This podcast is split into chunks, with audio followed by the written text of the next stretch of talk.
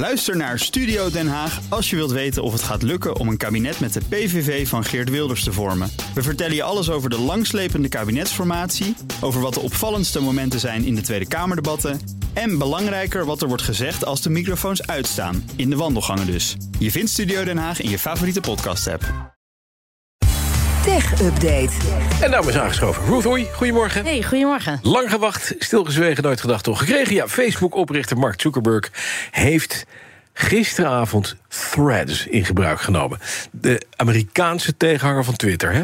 Want ik zeg nadrukkelijk Amerikaans, want we kunnen hem hier niet krijgen, toch? Nee, klopt. Hij is uh, nog niet. Uh ja, hij is nog niet volgens de Europese regelgeving. Er zijn nog onduidelijkheden Mhm. over. Dus is het nog niet beschikbaar in de Europese Unie. Uh, nou heb ik een uh, Engels Apple-account. Uh, toch nog één voordeel aan Brexit. ik kan Threads wel downloaden. En dat heb ik gelijk natuurlijk even ja. gedaan. nou ja, Meta heeft natuurlijk al jarenlang een concurrentiestrijd gevoerd. En komt eindelijk met dit antwoord op Twitter. Nou, ik heb gekeken. Iwan, jij hebt ook even gekeken. Ja, Amerikaanse Apple Store-account, dan kan je er ook in. Ja, ja, exact. Dus voor iedereen.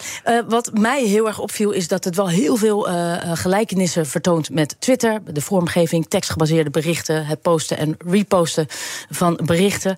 Nou, het is heel makkelijk, niet verrassend. Na het downloaden van de app kan je je Threads-account koppelen aan je Instagram-account. Mhm. Mm -hmm. Dat is ook een telg van Zuckerberg. Ja. En exact dezelfde mensen volgen die je op Instagram ook volgt. Zo gepiept. Ik heb inmiddels één volger, Iwan. ver, verder houdt het op. Nou, geen wereldschokkende threads tot nu toe. Hoeveel rethreads niet per ongeluk retweeten zeggen, dat is niet de bedoeling. Uh, voor gratis chicken nuggets zag ik staan. Of uh, iemand, twit, iemand threaden, uh, Twitter-aandelen storten in. bijna ja, in de fout. Je ja, ging bijna ik, in de fout. Ik, ik, ik, zal je zeggen, ik ga waarschijnlijk nog 524 keer in de fout. Uh, Twitter stort in uh, 3, 2, 1. Iwan, wat ja. viel jou op? Wat mij opviel is um, geen reclame voorlopig. Gaat wel komen, maar mm -hmm. nog niet. Dat is lekker rustig. Geen vinkjes? Geen vinkjes. Ja, wel vinkjes van Instagram die je kan meenemen, maar geen betaalde vinkjes. Dus nee, dat is al prettig inderdaad. Het is vrij basic, dus eigenlijk het ziet er vrij clean en simpel uit. Maar ook geen goede zoekfunctie, geen hashtags. Um, uh, um, het is allemaal nog een beetje, beetje bazaal allemaal. Mark Zuckerberg zei dat de eerste vier uur dat Threads er was, dat 5 miljoen mensen zich aangemeld hadden. En ik vraag me ook een beetje af, hoe verhoudt zich dit nou tot Instagram? Is dit dan inderdaad een soort tekstvariant van Instagram en gaat het dan naast elkaar bestaan? Of gaat het uiteindelijk, uiteindelijk toch een keer ver, vervlechten met elkaar? Ik ben heel benieuwd hoe dit, uh, hoe dit gaat uh, lopen op, uh, ja, op termijn. Ja, en of, of dit inderdaad pijn gaat doen bij Twitter. Hè? Gaan Twitter-gebruikers massaal over naar threads? Wat denken jullie? Nou, dat, dat denken ze wel. En dat heeft natuurlijk ook te maken met de issues bij Twitter. Ja. Uh, die tijdelijke limiet die aangekondigd is. Nou, sowieso uh, rommelt het daar al een tijdje. Ja. Dus ze geloven echt wel dat het een geduchte concurrent kan zijn voor Twitter.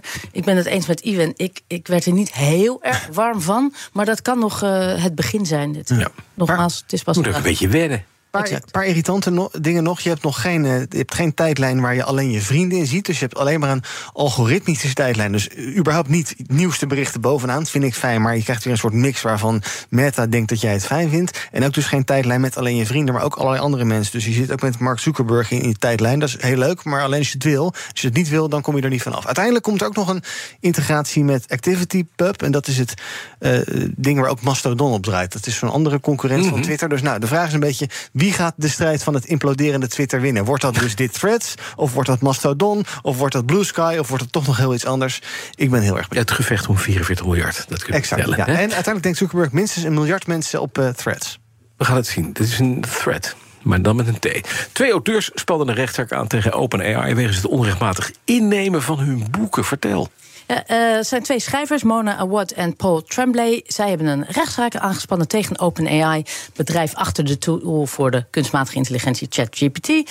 Zij beweren dat de organisatie de auteursrechtwetgeving heeft geschonden door haar model op romans te trainen zonder toestemming van auteurs. Nou, volgens die twee kwam de chatbot met wel heel nauwkeurige samenvatting van hun boeken en komen die teksten wel heel erg overeen met exact de inhoud van hun boeken.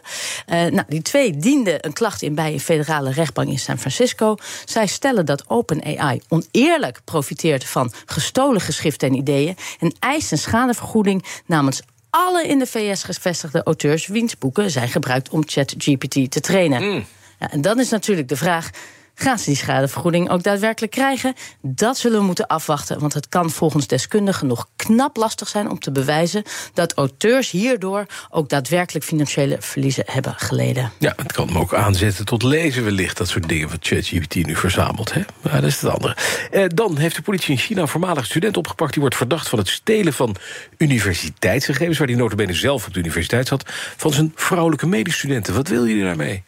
Uh, ja, heel uh, simpel. Ik uh, leg me even aan je voor. 25-jarige man, afgestudeerd aan een prestigieuze Renmin University in Beijing. Foto's en gegevens verzamelen van zijn vrouwelijke medestudenten. Gebruikte deze om een website te maken waarbij hij hun aantrekkelijkheid beoordeelt. Wat zeg jij dan?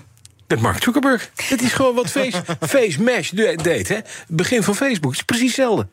Exact. Ook ik had in één keer een déjà vu. 2013, voordat Zuckerberg Harvard verliet om Facebook te starten, kwam hij met een website genaamd FaceMash. Precies. Waarop bezoekers de foto's van Harvard-studenten konden vergelijken en konden beslissen wie aantrekkelijker was. Ja. Zuckerberg haalde de site later uit de lucht nadat de raad van bestuur van Harvard hem beschuldigd van het schenden van de privacy. Vonden ze toch niet zo'n goed idee, dit? Nee.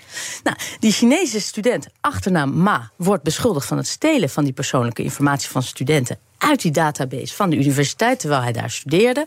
Screenshots van de website, inmiddels afgesloten, tonen profielen van de studenten, namen, studentenidees, uh, geboortedata, plaatsen en plaatsen naast die foto's hun toegewezen scores. Mark, Ma, What's in the name? Nou ja, Ma dus de bak in en Mark uh, de boom in. Die is ook groot geworden met zijn Facebook. Ja, maar dat, dat is ook weer het verschil China-Amerika. Zeker, zeker. Maar ja, die dacht is gewoon, ik ga iets doen wat Zuckerberg ook deed. Handig, leuk, niet handig blijkt in China. Dankjewel, Ruth. Oei. De BNR Tech Update wordt mede mogelijk gemaakt door Lenklen. Lenklen. Betrokken expertise, gedreven resultaat. Ook Harm Edens vind je in de BNR-app. Je kunt BNR Duurzaam niet alleen live luisteren in de app... maar ook terugluisteren als podcast, zoals al onze podcasts. En naast dat de BNR-app Breaking News meldt... houden we je ook op de hoogte van het laatste zakelijke nieuws. Download nu de gratis BNR-app en blijf scherp.